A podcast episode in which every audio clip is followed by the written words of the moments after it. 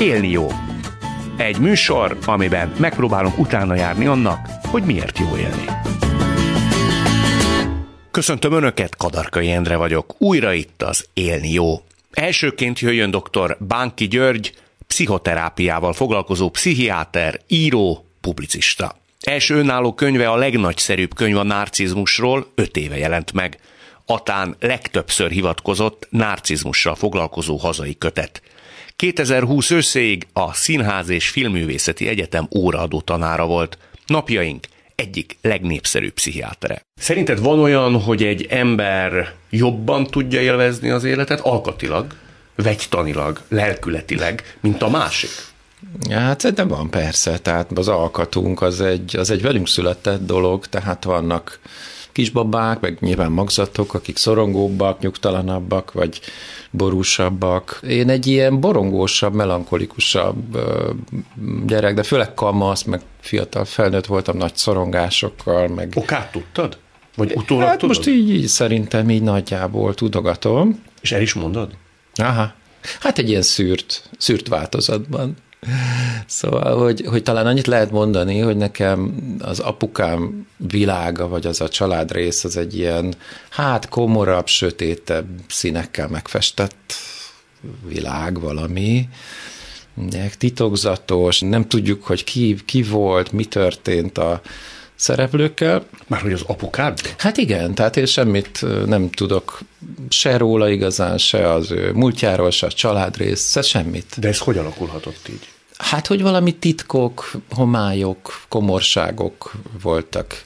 Ami később derült ki számodra? Hát nem derült ki. Csak a titoknak az, a léte? Igen, igen. Ugye a másik családrészem, az anyai, az meg egy derűs, ilyen életigenlő, transzparens, tudjuk, hogy honnan jöttek, mit tudom én, nagyapám családja, az Franciaországból valami ilyen középnemesi család, Napóleon elől menekült, francia nevei Feri Antalnak hívták, ez egy francia név, meg hát sok minden származék, ugye van a családban, hogy bennem is, és ott meg minden el volt mesélve, sztorik voltak, derű, életszeretett barátok. Izé. Tehát valahogy én ebből a, hogy mondjam, a koktél az, amilyen egyrészt ilyen komor, egyrészt ilyen, ilyen nagyon életigenlő, és mint a Moldován, a Ferenc jól összerázva, de ugye ott mondjuk egy nemű anyagot ráznak össze a Ferencvárosi koktélban, ez két különböző anyag összerázva, és hát azért végül is 50 körül apukámról azért csak írtam egy könyvet, ugye egy könyvem van, tehát ezt így, így vissza lehet keresni.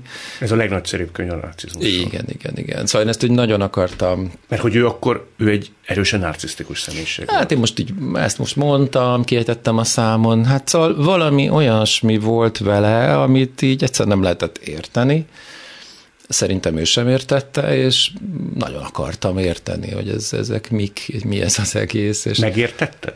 Hát ez olyan, mint az a vicc, hogy amikor a, ugye mindenféle szerep, hogy Kón elmegy a Grünhöz, és a Grün azt mondja, hogy nem értem, nem értem. És akkor akkor mondja, tehát hogy kérdezd meg, hát elmagyarázom. Hát elmagyarázni én is tudom, de nem értem. Úgyhogy én elmagyaráztam, de nem értem. Uh-huh.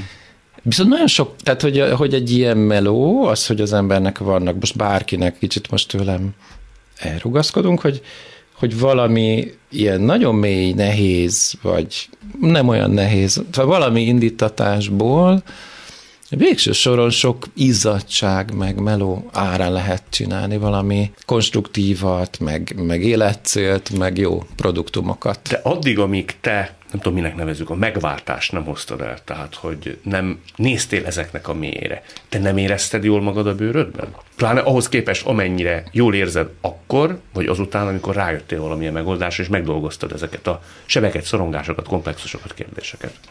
Hát figyelj, ez nem egy lezárt folyamat, ugye ez olyan, hogy elkezded valahol, és végső soron, amikor az életciklusodat befejezed, akkor se vagy kész. Azon nevettünk, van egy mesterünk valakivel, aki már az is majdnem tíz éve volt, vagy 74 évesen elment egy kollégámhoz, és mondta, hogy hát most már az apjával lassan kész van, most elkezdi az anyját feldolgozni. Tehát, hogy hát ez egy folyamat, vannak benne olyan szakaszok az életemben, amikor úgy lendületet vett valami. Például, amikor először mentem terápiába, egy ilyen nagyon depresszív, nyomasztó lelki állapotban, és akkor, akkor nagyot mentem előre, azt hiszem. Akkor te magad jöttél rá, hogy neked el kell menni terápiába, vagy már olyan szinten volt ez elviselhetetlen, mondjuk a környezetednek, és ilyen is van, hogy már jelezték, hogy nem vagy jó. Hát kikérem magamnak a környezetemet, és persze nem. Nekem volt nehéz. Hát nyilván nehéz azt látni, ha valaki nincs jól. Ha nagyon sommásan akarom mondani, akkor az volt a az indítatásom, ami félrevitt, és sokáig nehéz lelkiállapotban tartott, hogy nekem jónak kell lenni. Tehát ez volt a... Kinek a szemébe? Nem tud, ugye ezt én nem tudtam, és ezt most sem sütném rá. Tehát az, az a lényeg, hogy az a megoldás, hogy jó gyerek vagyok, meg jól tanulok, meg átlátom a felnőttek dolgait, és ugye ezeket mindig nagyon óvatosan kell gondolni, mert ha egy az egybe egy sémát ráteszek valamire, az nem lesz igaz, de azért, ha kilúgozom, akkor azt mondom, hogy azért kellett jónak lennem, hogy ezzel ne kell csak feszültséget, hogy az apám esetleg az anyámat bántsa.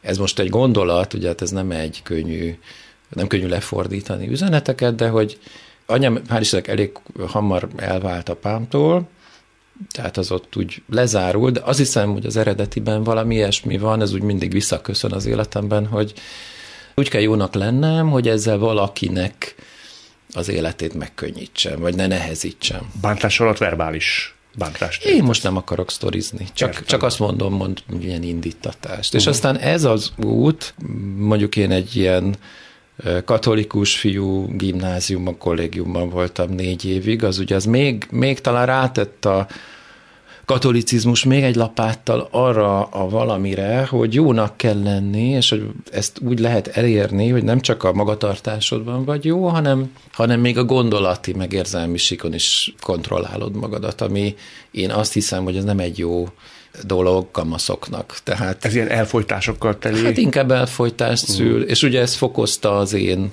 meg gondolom más belső nehézségeit, hogy végülis én nem tudom, hogy milyen vagyok, csak azt tudom, hogy milyennek kéne lennem, és akik ma már ilyen képpontos tévéket néznek, azok nem értik ezt a metaforát, de hogy ilyen szellemképes voltam. A, hmm. a katócsugaras tévéken még volt az, hogy néha megjelent a figura, és mellette ugye még egy figura, és ugye ezt éreztem folyton, nem voltam rossz fej, vagy, vagy szóval semmi dráma, de hogy azt éreztem, hogy így nem, de hogy nem, nem, nem volt ez komfortos. Tehát hogy volt valaki, amilyen megvalósítottam, ilyen kell lenni, de ott kullogott valaki, aki talán igazából voltam. És ez a kettő, ez egy ilyen feszültségben tartott engem, és ezt a feszültséget elkezdtem aztán így ö, csökkenteni, hogy a két dolog így amennyire lehet egybe puttyanjon, hogy ez a, ez a jellegzetes pszichológiai szakszót használjam, a puttyanást. Puttyanás. Mindig tanulunk. Puttyanni kell. Hogyha megtörtént a puttyanás a te esetedben,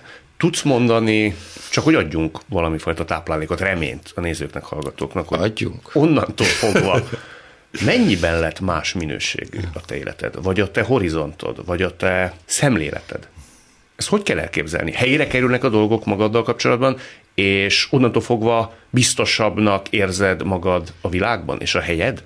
Hát igen, eleve, hogy, hogy lehet helyem. Ugye nekem az volt a szitu, hogy én az orvosira 18 évesen bekerültem, és mindegy miért, hát így, mit tudom én, de hát rájöttem, hogy az nekem nem jó. Tehát, hogy tehát apukán sugalmazása volt inkább, nem? Nem sugalmazott, meg akkor már nem voltunk kapcsolatban se. Viszont ott egyáltalán nem találtam a helyemet, tehát éreztem, hogy nekem az emberhez való viszonyom az nem fog jól leképeződni azon keresztül, hogy, hogy mondjuk így meghallgatom a tüdejét, vagy szóval ilyesmik.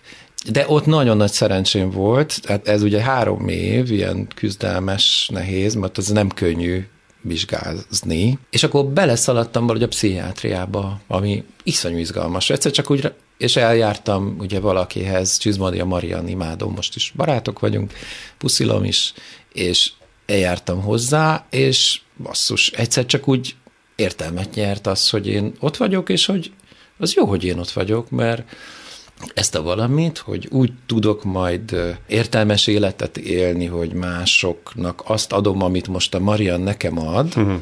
azt a figyelmet, azt a nekem nagyon cuki családom van, de mondjuk az, hogy nagyon végighallgattak volna, Ez az, nem volt jellemző. Hát ez nem volt olyan. Tehát nagy szeretet volt, és úgy a gyerek az úgy aranyos ott van. Éreztél is ebből fakadóan olyat, hogy úgy olyan fölöslegesség érzést, hogy valakinek úgy mondanám, vagy úgy, úgy hát magamba folytom a mondani való?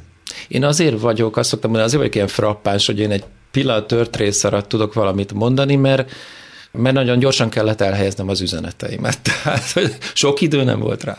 Úgyhogy ha olvastál posztot tőlem, szóval gyorsan tudok mondani valamit, és a Marianna meg elhívták ügyeletben, vagy volt egy telefonja, vagy valami, visszajött, és emlékezett rá, hogy én mit mondtam. Hát ez engem annyira lenyűgözött, hogy azt mondtam ezt ponton, hogy figyelj, ezt én csinálni akarom, legalább annyit, hogy emlékezzek rá, hogy az űrge mit mondott öt perccel azelőtt, mert azt nekem meg kellett tanulni. Ez jár azzal is, hogy nem tudom én, az ember az élet későbbi szakaszában észreveszi magán, hogy azért figyelemre van nagyon berendezve, tehát figyelem központú az élete? Szeretné, hogy figyeljék? Gondolod? Hát én úgy laikusként azt mondom, hogy ez azért járhat Gondolod, azzal. hogy ez jön ebből? Hát ezen el fog gondolkozni. Milyen jó ide járni, az ember nem, óriási élményekhez jut. Figyelj, nem utálom a figyelmet, lehet, hogy ez, ez így, így észre lehet venni, igen, tehát ugye, de hát ezzel bánni kell valahogy. Hogy kell bánni egy ilyen? Észreveszi magát az ember, és akkor mit csinál? Hát szerintem amire vágyunk, azt nem tilos élvezni. Hm. Még annak kárán is, hogy esetleg ez mások Na, komfortérzetét például bánthatja? Ne, nálam az veszély, hogy amilyen odaadóan, elkötelezetten, remélem, jól tudok kapcsolódni, amikor másról van szó, valóban az egy nagy betegségem volt, és talán még van belőle, hogy társaságban viszont meg tudok bokrosodni egy kicsit, szóval, szóval nekem azt vagy? kell, hát eléggé, tehát úgy lehet, lehet hallani, uh-huh. igen, a hangomat, meg a nevetésemet, szóval szokták tudni, hogy merre kell menni, mert a Gyuri ott van, tehát és, ez és az van, hiány. akinek nehéz, tehát uh-huh. hogy azért van olyan, amikor ez, ez lehet elnyomó, vagy lehet sok valakinek, tehát hogy ez, ez nekem erre figyelnem kell rendszeresen. Nekem az egyik kedvenc sok. Bánki György idézetem, az az, ezt a könyvbe írod, hogy a jó ember nézetem szerint az, aki a legtöbb esetben meg tud birkózni a kísértéssel, hogy mások kárára tartsa fenn az önbecsülését. Ez egy nagyon fontos mondat szerintem, ugyanis az ember hiú, becsvágyó, sikerorientált mondjuk társaságban. És szerintem mindannyian voltunk már úgy, és most párkapcsolatról ne beszélünk, és egyéb kapcsolódási módokról, hogy az ember a saját maga önbecsülését mások kárára próbálja megácsolni. Ez egy saját tapasztalat, amit itt írtál, vagy hosszas kutatómunka eredményeként tetted ilyen általánossá? Figyelj, valószínűleg nem mondtam semmi újat vagy zseniálisat, tényleg vannak jól sikerült mondatok. Tehát, hogy ugye mivel a könyv az az önbecsülésről szól, nyilván érdemes volt szót ejteni arról is, hogy az hogy lehet jó, de állandóan össze vagyunk kapcsolva, és mindig történik, ugye, hogyha egy nagyobb csoportban vagyunk, akkor meg aztán egészen biztos, hogy én mondok valamit, és abban a 50 emberben lesz valaki, akinek az sérelmes, 47-en tök jól értik, veszik az adást, de lesz valaki, akinek rálépek a tyúk szemére. Tehát ez a kárára azért ez egy ilyen optimalizált dolog, hogy ne legyünk egymás önbecsülésének a kárára a sajátunkkal, de nem is lehet elkerülni. Tehát talán, ha folytattam volna, mondjuk írok még egy mondatot, akkor azt mondtam volna, hogy, hogy megúszhatatlanul. Azt írott, hogy nagyon nehéz jól csinálni. Na, akkor nem is vagyok olyan hülye. Jó, oké. Okay. Ugyanakkor, anélkül, hogy ilyen Paulo coelho mélységekbe vagy magasságokba mennék bele, tőlem teljesen szokatlan módon, de én azt szoktam, azt szoktam mondani, és ez bármilyen triviálisan és közhelyesen is hangzik, hogy az ember ne tegyen olyat a másikkal, amit ha végig gondol, ő maga se szeretné, ha ennek áldozata lenne. És ez egy nagyon egyszerű szabály, de amikor az ember ezt megpróbálja alkalmazni, akkor rájön, hogy a 700 neki. Nekem ez például rettenetesen rosszul esne. Noha én elkövetőként, idézőjelbetéve, hihetetlen módon nagyvonalúan bánok ezzel a lépéssel, mondván, hogy minden jogalapon megvan mindezt megtenni. Tehát egy ilyen egyszerű szabályjal is szerintem nagyon könnyen útját tudjuk állni a kunkorodó egónknak.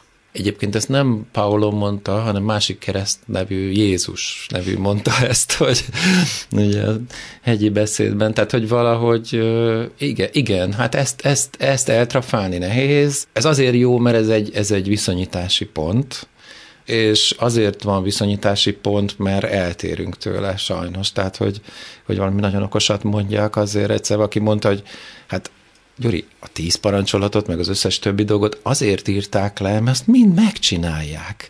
Tehát, hogy muszáj leírni, hogy ezt ne csináld. Tehát, hogy nem azért írják, mert, mert így szeretnek írogatni az emberek. De belevágtam a szavadba, ott tartunk, hogy összeputtyant, azt hiszem ezt a kifejezést említetted, a két személyiség.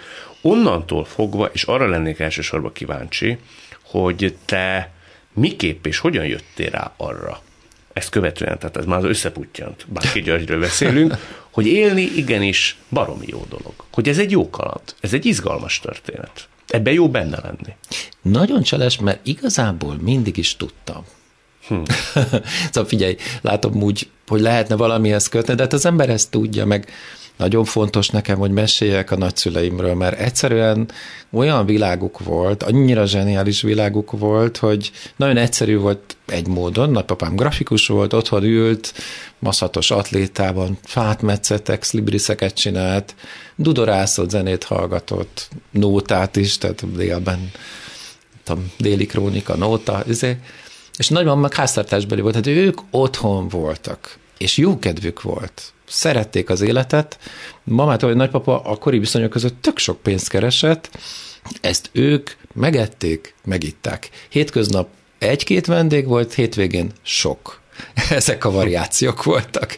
És röhögtek, meséltek, sztoriztak, pedig megkínálta őket azért az élet. Háború, 50-es évek, tehát ők akár nézhették volna úgy is az életet, hogy őket azért nem azt mondom, hogy meghurcolták, de hogy volt bajuk gazdagon. Figyelj, úgy meséltek el a, jó, most nyilván ez megint olyan, hogy ugye ők amerikai hadifogságba kerültek, tehát őket nem, nem az érte, ami a magyarság egy uh. részét érte, tehát nem ilyen tragédiákon mentek keresztül, tehát megint vigyáznom kell, hogy nehogy sértő legyek, amikor vicces dolgot mesélek, de hogy a nagypapa meg a nagymama egymás mellé ültek, és úgy beszéltek a hadifogságról, mint valami olyan oltári buliról, hogy party time, tehát hogy a Kirchbergi pokol, ahol nem minden nap jutott amerikai csokoládé, de ezt úgy mondták el olyan stand hogy betoltam a rögéstől. Ezt szerinted miért csinálták? Egész egyszerűen így voltak összerakva, ez egy hihetetlen eszmény és szerencsés személyiségképlet, vagy koktél,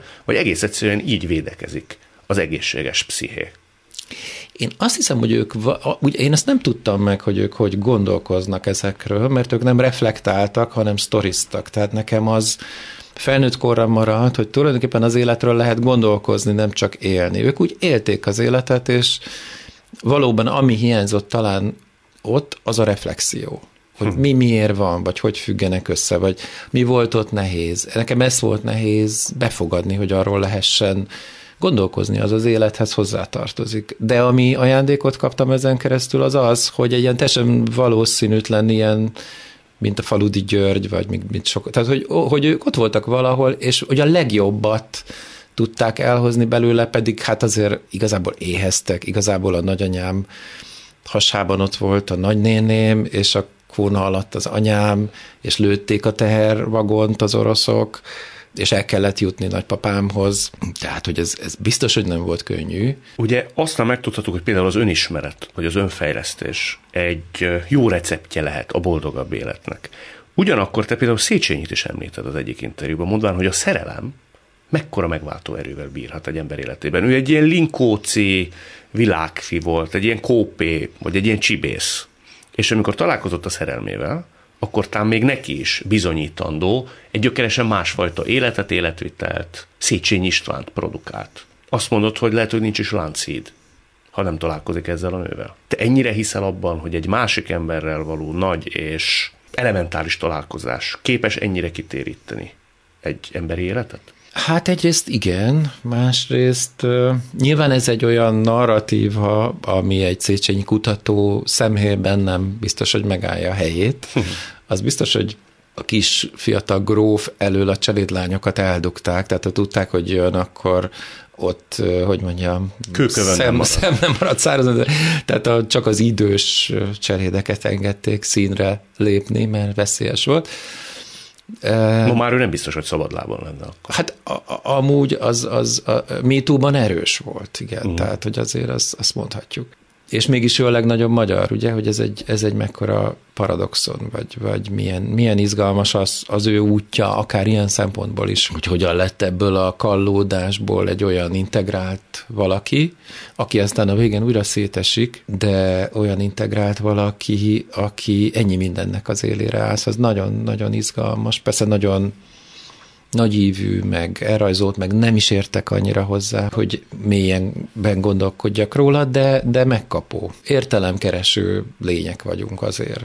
És amikor a nagyon szanaszét megyünk lelkileg, és akkor is az értelmet keressük, csak lehet, hogy rossz módszerekkel. Tehát amikor valaki össze-vissza elkap mindenféle lányt, vagy fiút, akkor is keresi az értelmet, vagy legalább az örömöt, hogy, hogy valami egyben tartsa, vagy valamit kielégítsen magában, csak ez ugye lehet kudarcos, mert kapkodó, mert valójában inkább lejjebb viszi, mert szociálisan ellehetetleníteni, fogja, stb. De hogy ez az értelemkeresés, ez amit egy ilyen mágneses erőtér, egyikünknek sincs elmagyarázva, hogy nekünk mi lesz az, és a másik embernek nem az lesz, ami nekem, és én se fogom biztosan tudni soha, hogy mi az értelmes élet, hanem az mondom valamilyen mágnes, nekem egy ilyen mágneses erőtér, amiben nagyjából azt érzékelem, és ez egy élménymód, ezt nem lehet kiszerelni, és mint egy ilyen csipet betenni másba, hogy hogy én most úgy érzem, hogy én egy értelmes életet élek ezen és ezen keresztül. Annak mi az ismérve? Ha-ha-ha. Endre. Csillapodj, Endre. Tényleg. Mi az ismérve? Pont azt próbálom mondani, de jó a kérdés egyébként, csak igen, szóval itt dolgoztatsz, és neked van igazad, hogy nem tudom hanem csak azt tudom mondani, hogy nincsen végső ismérve. Tehát uh-huh. ha tudnánk, akkor akkor azt valószínűleg tanítanák. Tehát az, hogy értelmes élet, ennek valószínűleg nincs ismérve, hanem ennek közelítései vannak. Ezzel akkor is foglalkozunk, amikor nem foglalkozunk vele.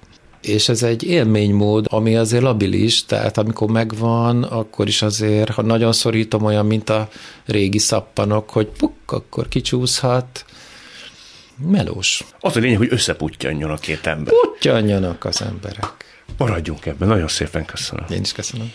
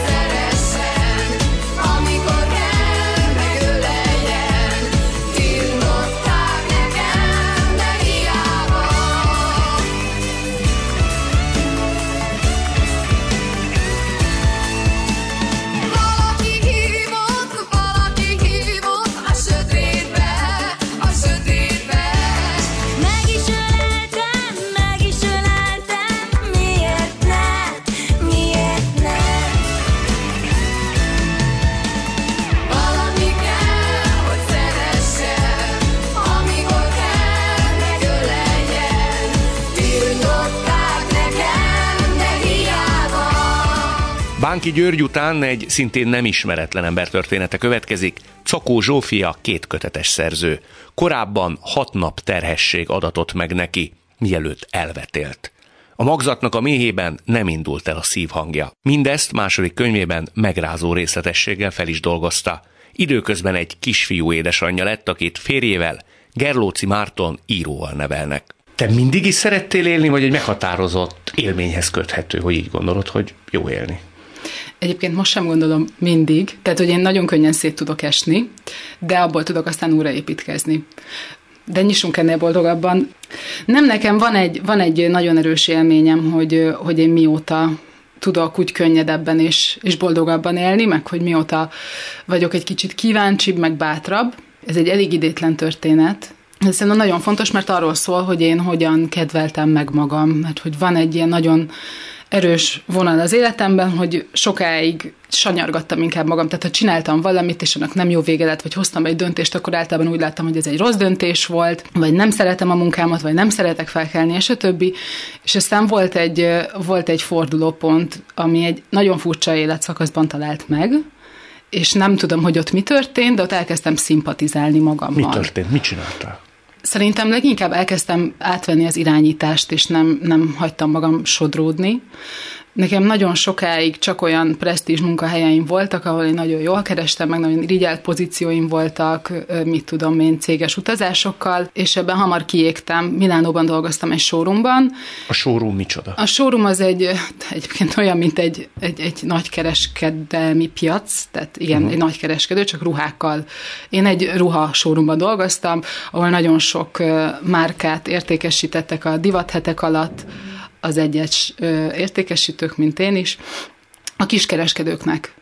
És ezt valamiért ilyen nagyon Hát egyrészt ez egy borzasztó jól fizetett munka, másrészt egy presztízs munka a lányok között. Ez miért volt fontos neked? Nem volt fontos, csak nagyon könnyen megszereztem a munkát. Egyébként lehet, hogy fontos volt abból a szempontból, hogy jó volt hazadicsekedni, hogy fú, ne aggódjatok, én jól vagyok. De kinek kellett dicsekedni? Anyukádnak például? Talán a családnak, igen. Ne, nem is azért dicsekedni, hanem hogy ne aggódjatok, tudod. Uh-huh. Mert ugye azért az feltűnő, hogy az első könyv feltétlen a megfelelési uh-huh. kényszerről uh-huh. szól, de a második könyvedben is azért vannak olyan utalások, hogy anyukát hogy járt volna el, és a hozzávaló megfelelés az mennyire más felé vihetett volna el. Tehát azért neked egy meghatározó szempont az életedben a megfelelési kényszer. Abszolút, Felé? abszolút. Felé tradícióknak, otthoni hagyományoknak, amiket észre se vesz az ember, szerintem ezzel rengeteget küzd nagyon sok ember, úgyhogy nem is veszi észre. Milyen voltál te? ahhoz képest, amilyen most vagy. Görcsösebb? Igen, görcsösebb. Kevésbé szabad? Igen. És most is, tehát abszolút bele tudok esni egy-egy napra egy hétre, és akkor észreveszem, hogy jaj, már megint. Hanem visszatérnék a történetemhez, ha lehet, mert ez tényleg nekem fontos, hogy akkor én elfogadtam egy olyan munkát, és addig én úgy gondoltam, hogy ez az is egy sodródásomnak a része volt, hogy már nagyon szeretek dolgozni, hogy elkezdtem dolgozni egy kasszában, a Milánói Domnak a kasszájában. Tehát jegyeket adtál. Ahol jegyeket értékesítettem, a legkevésbé sem volt presztízs munka, egy konténerben, egy mozgatható konténerben dolgoztam. A fizetése töredékért, mármint a korábbinak. Uh-huh. Akkor a munkámnak a része volt a, nem is tudom, az apró gyűjtése a nyilvános WC-ből, a dóm mellett, el tudod ezt képzelni, hogy milyen az, amikor ott érdelsz, és kiszeded az aprót, és nem értettem, hogy miért csinálom, de azt vettem észre, hogy nagyon élvezem. És volt benne valószínűleg egy olyan is, hogy nincs rajtam semmi felelősség, most a ilyen nem tudom milyen fontosabb munkák után, meg nagyon megszerettem a kollégáimat. Valahogy egy, egy szabadságot jelentett nekem az, hogy most olyan munkám van, amivel senkinek nem dicsekedhetek, és nem is akarok. És uh, hozzá tartozik egy nagyon érdekes dolog, hogy én ott a konténerben szerelmesnek képzeltem magam, illetve lehet, hogy szerelmes voltam, egy nagyon fiatal kollégámba, aki ráadásul meleg volt, vagy hát meleg, nagyon aranyos fiú volt, és én teljesen olyan tinédzser szerelmet éreztem az irányába. Hosszú hónapokig kínlódtam ezzel, én nekem párkapcsolatom volt Milánóban, tehát akkor ez nem is teljesedett be, lévén az ő Nem, nem, én egy látói uh-huh. szerelmes uh-huh. alkat voltam tinikoromban, és teljesen újraéltem a tinikoromat ott a kasszában, és aztán volt egy, egy fordulópont, amikor én szerelmet vallottam neki, képzeld el. Hány éves volt? 20? Ő 21, én meg 29, vagy valami hasonló. Azért az már betyáros. hát nem is a kor miatt, hanem ő egy, egy tehát ő nagyon aranyos kis, tényleg egy teljesen más uh-huh. típusú fiú volt, mint én. Nyilván sok mindennel felruháztam, és emlékszem azokra a napokra, amikor eldöntöttem, hogy na majd most megkérdezem, hogy kávézik-e velem, és mindig, tehát hogy hosszú napokig ment az, hogy inkább megkérdeztem, hogy kére az almámból, mint hogy elhívjam beszélgetni, és aztán sikerült elhívnom beszélgetni, ilyen szerelmet vallottam neki. Ő nagyon kedvesen visszautasított, és emlékszem, hogy sétáltam hazafelé, és hogy egy nagyon idétlen helyzet volt, tehát majdnem 30 évesen szerelmet voltam valakinek, aki visszautasított közben, én párkapcsolatban voltam egy olyan emberrel, aki engem nem érdekelt, és egy nagyon furcsa munkahelyen volt, és nem az jött, hogy fú, Zsófi, most, nagy, most mit csinálsz, hanem az, hogy hát ez nagyon izgalmas. És elkezdett érdekelni, hogy mit fogok csinálni holnap Ekkor szabadultál fel? Igen, az, én, én el, erre vezettem vissza, hogy én ott valamit eldöntöttem, hogy én megcsinálok, szerelmet vallok, akármilyen idétlen, és egyébként azóta is büszke vagyok rá, szerintem nem is volt idétlen, aranyos volt, és azóta úgy megkedveltem a társaságomat, és azóta könnyebben engedek meg magamnak érzéseket, düh, harag, boldogság, irítség akár, és, és azt el tudom fogadni, hogy ezeket érezhetem. A kassa alatt kezdtem el írni és, és elküldted többek köz Gerlóci Mártonnak. Igen, egyedül neki küldtem el. Egyedül neki? Egyedül, igen. De most már így utólag lévén, hogy ezt elmondhatjuk, ő a férjed. Igen. Ebben volt némi női számítás is, vagy kizárólag az ő kétségkívül meglévő irodalmi tehetsége szolgáltatta az indokot? Szerintem senki nem hisz nekem, de én tartom, hogy nem volt benne női motiváció. Én tartom, hogy, hogy én bárkire tehát szükségem volt valakire, akiről úgy érzem, hogy megért, vagy, vagy értekli, amit én írok. Miért gondoltad ismeretlenül, hogy Marci például megérti majd Az azt, olva, olvasmányaim alapján. Elkezdődött egy levelezés uh-huh. szigorúan szakmai irányelvek mentén. Tehát a te írásaidat ő elkezdte kvázi elemezni? Ez túlzás, de visszaírta, hogy, hogy ez nagyon érdekes, sok hülye levelet kap, ezt írta. De ez nagyon jó volt. Már és, kiemelt. Igen, és tudod, akkor úgy igen. Persze, ez gondolom. De nyilván jó érzés volt és hogy ő szívesen kapna még ilyen történeteket és onnan ez egy nagyon aktív, a részemről rendkívül aktív levelezés Az lett. mit jelent? Hát én minden nap leírtam a történéseket. A és kasszában. el is küldted neki minden nap? Igen. A kasszában történtekről beszámoltál neki teljesen ismeretlenül. Igen. Nem tudom hány ezer kilométerre egymást. Igen, igen. Ő, ő akkor tájföldön, tájföldön volt. volt. Igen. Igen, én, tej, én nagyon, tehát hogy én mindent elmondtam magamról. Kicsit bele is szerettél így a hát távolból? Ó, persze, így már igen. Hát volt valaki, egy ismeretlen, nagyon izgalmas volt, és nagyon furcsa visszatekinteni rá, mert abszolút nem volt egyensúlyban ez a két szerep, tehát én abszolút alárendelt voltam azzal, hogy én teljesen kitárulkoztam, az az ismeretlen ember pedig, hát nem is tudom, elemezte, vagy megdicsérte, vagy ez nem volt őszinte, vagy általában azt írt egyébként, hogy élvezettel olvastam, várom a következőt. És ez elég volt. Idealizáltad is, ahogy kell, Abszolút, igen. De te ezen közben párkapcsolatban értél. Igen, egy olyan párkapcsolatban, ami tehát már nem működött, és nem tudtam valahogy lezárni ezt, nem, tehát hogy nagyon nehéz összepakolni, tudod, főleg külföldön a cuccaidat. Az mennyi ideig tartott? Hát két hónapig még onnan. Uh-huh. De hogy az egy hosszú, mélyebb gyökerű kapcsolat volt? Igen, tehát hogy én Milánóban éltem vele majdnem két évet, és előtte is. Hazajöttél kicsit Marci miatt is? Én azt gondoltam akkor, hogy ez csak egy kapaszkodó a, arra, hogy én haza tudjak jönni, tehát nem számoltam azzal, hogy ebből most ilyen rendkívül jól működő kapcsolat lehet, hanem csak élvezettel vártam, hogy mi sül ki ebből. Egyébként az volt a nagyon-nagyon szórakoztató benne a magam számára, hogy én annyira határozott voltam, és annyira tudtam, hogy mit akarok, meg kit akarok, és ez akkor ő volt, és ilyet még soha nem csináltam, hogy, hogy én, én konkrétan, miután hazajöttem, én udvaroltam neki, és ezt, ezt is nagyon élveztem. Hát, hogy én kerestem, ő, ő fogadta, tehát, hogy ő örült ennek, és, és hogy ő is azért nyilván érdeklődött irántam, de nekem volt ez a feltett szándékom, hogy ebből valamit kihozzak, és hát sikerrel jártam.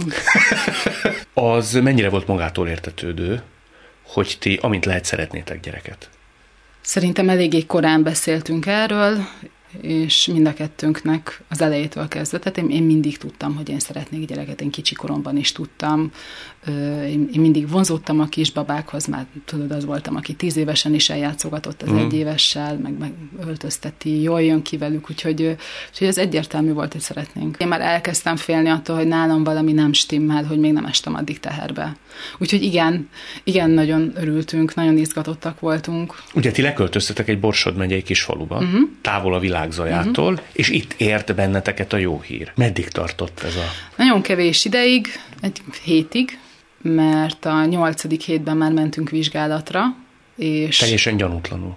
Teljesen gyanútlanul, és visszagondolva egyébként azt, hogy mennyire nem voltam tudatos, pedig mindig azt hiszem magamról, hogy hó, hát én már nagyon, nagyon tudok a testemről mindent, és nem, nem hazudok magamnak, tudod. Konkrétan olyanokra is gondoltam, hogy majd most megtudom, hogy fia vagy lány, pedig 8 hetesen ez azért nem, uh-huh. nem nagyon jellemző.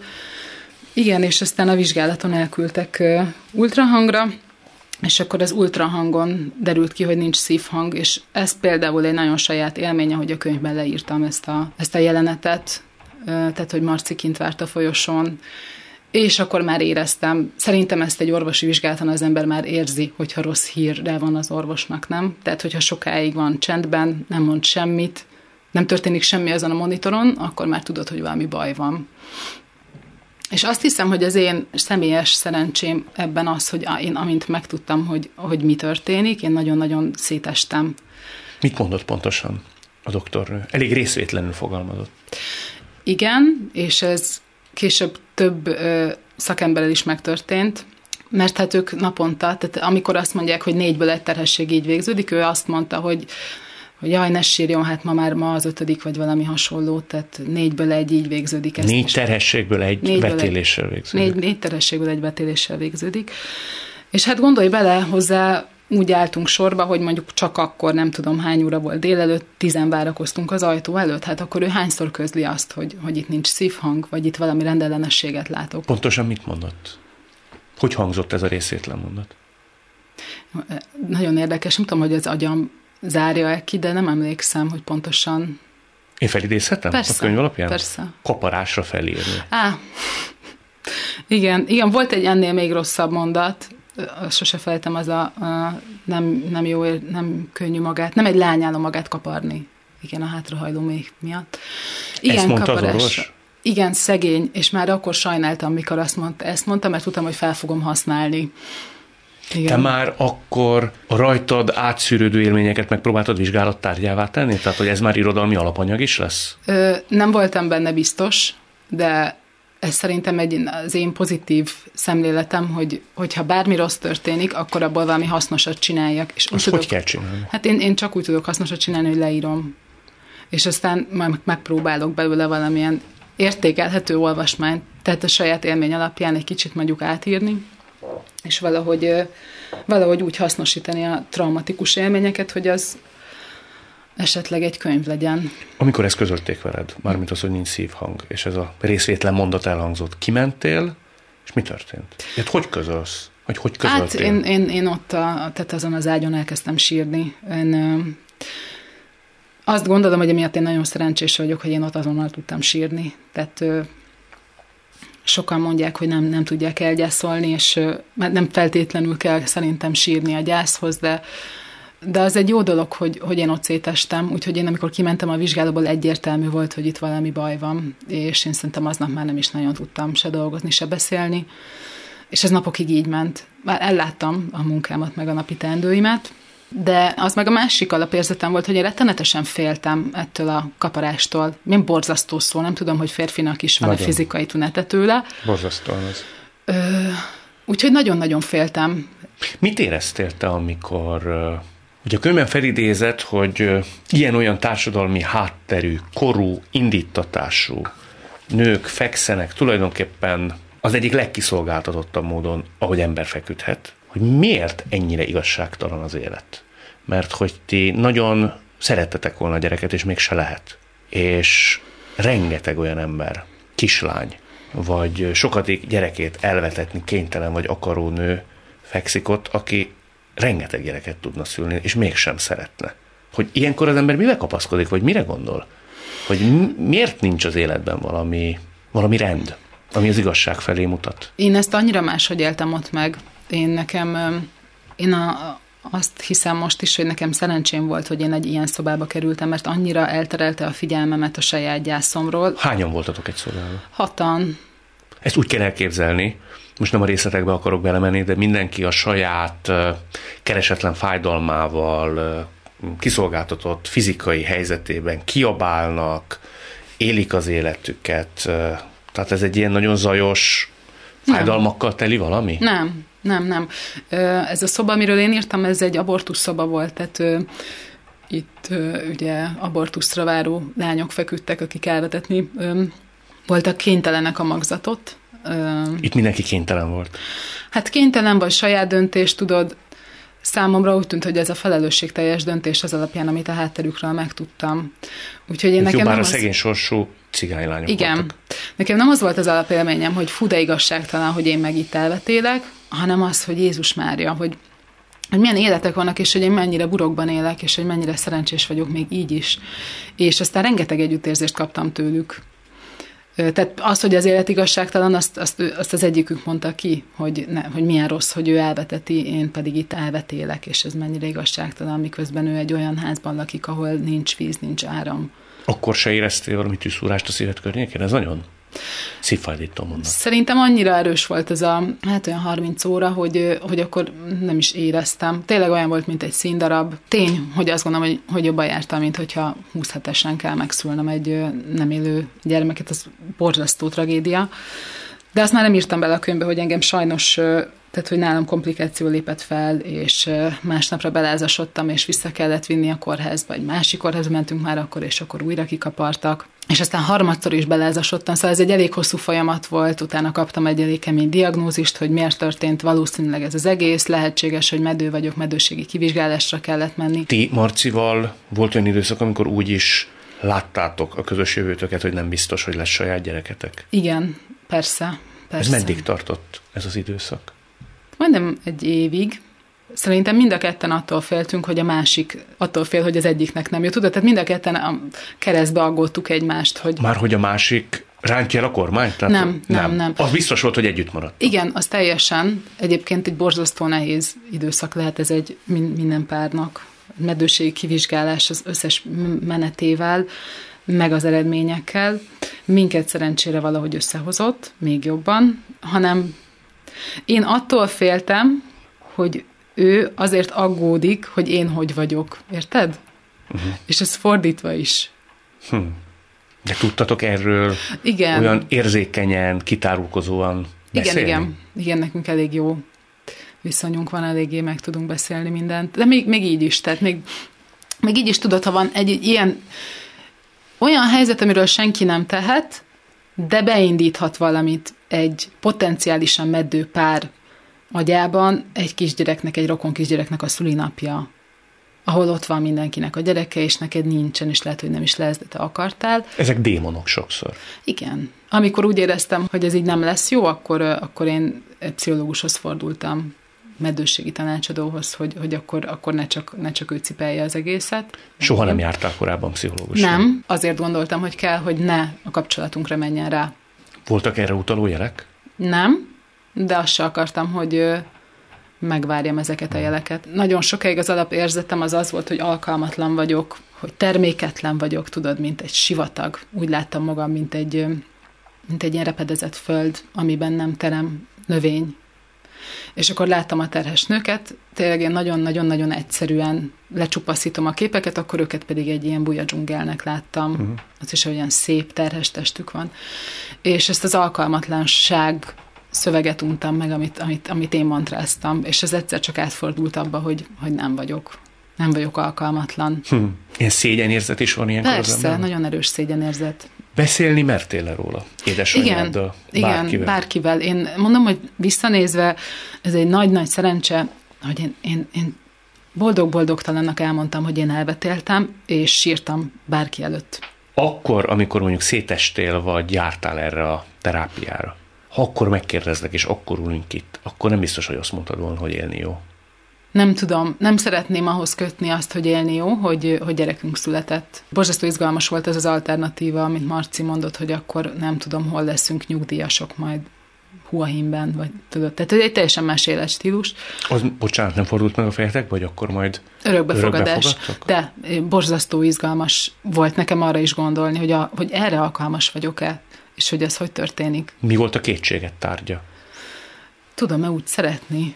Én képes vagyok elfogadni, mert hogy az örökbefogadás az lehet, hogy nekem gyászsal kezdődne, és ez baj hogy gyászsal kezdődik. Mi győzött meg, hogy igen? Mármint arról, hogy... Hogy képes lennél? Nem volt idő, hogy bármi meggyőzzön, mert hogy pont elkezdődött már úgy a meddőségi kivizsgálás, tehát nem már a meddőségi kivizsgálásnak a végénél tartottunk, és pont kezdődött volna a lombik program, nekem lett volna egy kis műtétem előtte. Tehát a lombik lehetőségét az orvosok továbbra is célra vezetőnek tartották. Hát azt mondták, hogy abszolút az lesz a, az én utam. Ezt hogy nekem... saját gyereketek lesz, csak lombik igen, program útján. Igen, uh És már fenn voltunk egy listán, hogy menjünk az első előadásra, és megvolt a műtétem időpontja, ami egy hétfői nap volt, és nekem pénteken szólt az orvos, hogy csináljak egy tesztet, a műtét előtt a biztonság kedvéért. Akkor te az esélytelenek nyugalmával készítetted el ezt a tesztet? Persze, sőt, én majdnem, majdnem azt hazudtam, nem volt otthon tesztem, hogy én megcsináltam, mert nekem annyira azt mondták, hogy nem lehet, meg minek csináljam meg. Megcsináltam, és akkor az pozitív lett. És akkor nagyon dühös voltam. Nagyon-nagyon dühös Amikor voltam. pozitív lett? Igen. Te kire haragudtál? Hát akkor haragudtam mindent, tehát akkor nagyon haragudtam a sorsra, mert biztos voltam benne, hogy ő sem marad meg, uh-huh. hogy ő is elmegy, és hogy akkor végig kell menni az egészen, és még utána mehetek újra a Lombik programra. Tehát, hogy akkor most ki fog esni nekem x hónap, amíg ezt az egészet újra lezongorázzuk, akkor megint el kell gyászolni, megint sírni fogok, megint fel kell építeni magamat. És mikorra kapok újra időpontot, mert nagyon hosszú listák vannak. Nagyon nehéz. Főleg, ma nincs is olyan, hogy ahhoz az orvoshoz bekerülni, aki ezt szeretnél, és akkor nekem ott volt a megfelelő emberem időponttal, és, és most mi lesz. És nagyon-nagyon féltem, hogy nem marad meg. Meddig tartott ez a két kétségekkel teli időszak? Nem sokáig, főleg mert nálam volt vérzés is, úgyhogy veszélyeztetett terhes lettem, feküdnöm kellett két, három hónapig. Nyáron, amikor vége lett a karanténnak, akkor végigfeküdtem az egész nyarat. Akkor még úgy gondolja az ember, akár mindketten, hogy minden nap azzal telik, hogy ott a kétség a kis agyában, hogy, hogy ez így meddig folytatódik? Megmarad-e? Nem marad-e? Minden alkalommal, amikor elmész pisilni, nézed a bugyidat, hogy van-e benne vér, igen. Itt telnek a hónapok. Nekem az első pár hét az így telt. Utána, ahogy telt az idő, és ahogy az orvosom egyre bizakodóbb volt, letelt a három hónap, letelt a négy hónap, megtudtuk a nemét. Azt mondta, hogy most már lehet óvatosan sétálni. Tehát ahogy, ahogy elkezdtem érezni, hogy ő itt van, és aztán meg átléptük azt az időszakot, amit azt mondják, hogy most már azért lehet kezelni akkor is, hogyha koraszülött. Onnantól volt megnyugvás, szerintem az nekem szülés előtt egy hónappal volt, hogy én már nyugodtan sétáltam. A nyugodt alatt azt kell érteni, hogy már szorongásmentesen, vagy azért még mindig van az emberben egy kis félelem? Nem, nem, akkor már, akkor már nem féltem. El is hitted? Hogy, hogy, hogy Hogy anya itt van. Hogy jön? Hogy család leszünk? Nem, tehát azt, azt, azt, azt én csak szülés után éltem meg, hogy ő tényleg itt van. Végig szerintem elég bátor voltam, tehát jó fej voltam nagyon. Mi táplálta a bátorságot? Az, hogy merjek ne bátor lenni percekre, tehát az, hogy merjek félni közben, és merjem elmondani, hogy én félek, hogy valami lesz vele. Tehát, hogy fél, félhetek a vizsgálat előtt, és ha a vizsgálat után minden oké, okay, akkor utána azt is megélhetem, hogy most ez oké. Okay. És a műtétnél pedig az, hogy én nagyon bíztam mindenkiben, aki ott volt, na, ott nagyon úgy éreztem, hogy semmi nem lesz. Így is csak hetekkel később jött meg az az öröm, az a megnyugvás, mikor már minden fizikai fájdalmad elmúlik, mert azért a császárheg az eléggé fáj, nekem a szoptatás is fájt. Úgyhogy akkor is megengedtem azt magamnak, hogy, hogy panaszkodjak, és hetekkel a szülés után jött meg az az öröm, hogy, hogy ez jó. És most mennyi idős Mirko? 11 hónapos lesz. Most már egy éves lesz. Igen, akkor. mindjárt egy éves. Elképesztő. És ö, sokszor emlékeztető arra, ahogy cseperedik, amikor ránézel, ránéztek, hogy volt időszak, amikor úgy gondoltad, hogy erről lehet, hogy lemaradsz? Igen, van ilyen idő, van, van ilyen, hogy ránézek, és hálás vagyok, hogy itt van. Inkább olyan szokott lenni, hogy, hogy erre a másikra gondolok, aki elment. Uh-huh. És Mirkóra jut eszembe, és egyébként, ha rá gondolok, akkor pedig lelkismert furdalással gondolok rá, hogy nem gondolok rá többet. Uh-huh. Ar- arra emlékeztet Mirkó, hogy, hogy, hogy ez nehéz volt, és, és hogy mi lett volna, hogyha nem. Még most is gondolkodom olyanon, hogy például a Mirkó, úgyhogy Mirkó megvan, és hogy nagyon nehezen lett meg Mirkó, úgy mondjuk már az örökbefogadásra egy második gyerekkel képesnek éreznénk magunkat. De ugye mégiscsak az ennek a műsornak a címe, hogy élni jó. Igen, Hogyha mondjuk nézi valaki ezt a műsort, és ez egy fontos mondat volt szerinted, hogy nem kötnéd ahhoz, uh-huh. hogy élni jó, uh-huh. hogy van-e gyereked, vagy nincs, uh-huh. hogy születik-e saját gyereked. És nézi mondjuk ezt valaki, akinek lehet, hogy nem lehetett gyereke. Uh-huh. Vagy ugyanazokon a vívódásokon megy keresztül, amint te, vagy ti mentetek keresztül. Neki mit mondanál? Akár vigaszul, vagy arra nézve, és valami bátorított, hogy élni jó? oké, okay, bár nem, nem tudok ilyen tréner. Nem is ezt Akkor magam, magam, magamnak mit mondanék, az nem szeretném azt a súlyt, ezt főleg azért, mert nem szeretném azt a súlyt Mirkóra ráhelyezni, hogy az én boldogságom tőle függjön. Tehát, hogy én magamban szeretem megtalálni a boldogságot. És nekem ez az önszeretet, hogy én várjam a holnapot, hogy mi történik velem holnap, és milyen váratlan helyzetet hoz, amire én úgy reagálok, hogy ez esetleg nagyon szórakoztatni fog engem. És speciális kapcsolatom nem feltétlenül csak a gyerekemmel lehet, hanem a szomszéd nénivel is, vagy a szomszéd néni macskájával. Úgyhogy a igen, egyéb kapcsolatokban is keresem a boldogságot azóta is. Hm. Megváltoztál szerinted? Mióta anya vagyok? Igen. Biztosan. Biztosan. Nagyon figyelek rá, hogy eleve egy ilyen önfeláldozó alkat vagyok, hogy arra jöttem rá, hogy egész nyáron nem ettem egyetlen egy őszi barackot sem, mert az összeset a gyerekemnek adtam, mert ő nagyon szereti. Úgyhogy most eldöntöttem, hogy amiből fagyasztottam neki, hogy abból én is enni fogok. Ugye említetted, hogy egy borsodi kis faluban értek. Igen. Mirkóból falusi gyerek lesz? Hát jelenleg úgy áll. Igen. Látod már őt fára mászni, őszi barackkal dobálózni, sárba és nem tudom Igen. mibe Igen. henteregni. Igen, kíváncsi vagyok lesz a tájszólása. Őt eléggé szeretik a nénik a faluban. Megcsipkedik az arcát. Jó a szövegük. Igen, szerintem ez most neki nagyon jó ott. Látom. Boldogok vagytok. Igen. Merjük kimondani. Jó, kimerem mondani, boldog vagyok. Na hát csak kimondtuk. Nagyon szépen köszönöm. Köszönöm. Mai két vendégem életében eljött egy pont, vagy egy szakasz, amikortól elkezdtek máshogy nézni önmagukra. Lehet, hogy onnantól az életet is másképp szemlélik, és talán könnyebben mondják ki. Élni jó.